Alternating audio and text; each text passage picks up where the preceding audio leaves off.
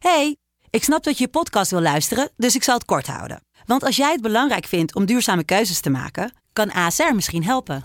Nou hoor ik je denken, hoe dan? Nou, bijvoorbeeld bij het duurzaam herstellen van schade. Of de premies die we beleggen volgens ons duurzaam beleggingsbeleid. Dat bepaalt waar we wel en juist niet in investeren.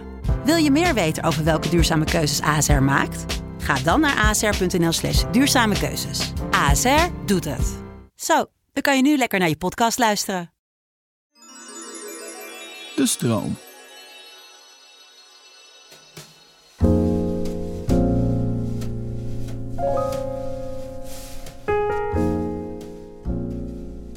Mag ik wat vragen?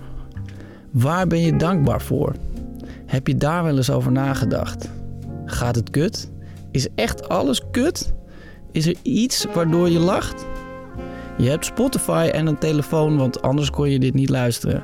Dus er gaat in ieder geval ergens iets goed met je. Gaat het goed? Waarom? Wat stelt jou daartoe in staat? Als je in bed ligt en nog niet slaapt, denk daar eens over na. Zet het naast de kutte dingen, als die je meedreigen te slepen, maar niet nu. Het was een lange dag. Geef toe aan je zware oogleden. Je luisterde naar professionele tips voor een comfortabel leven.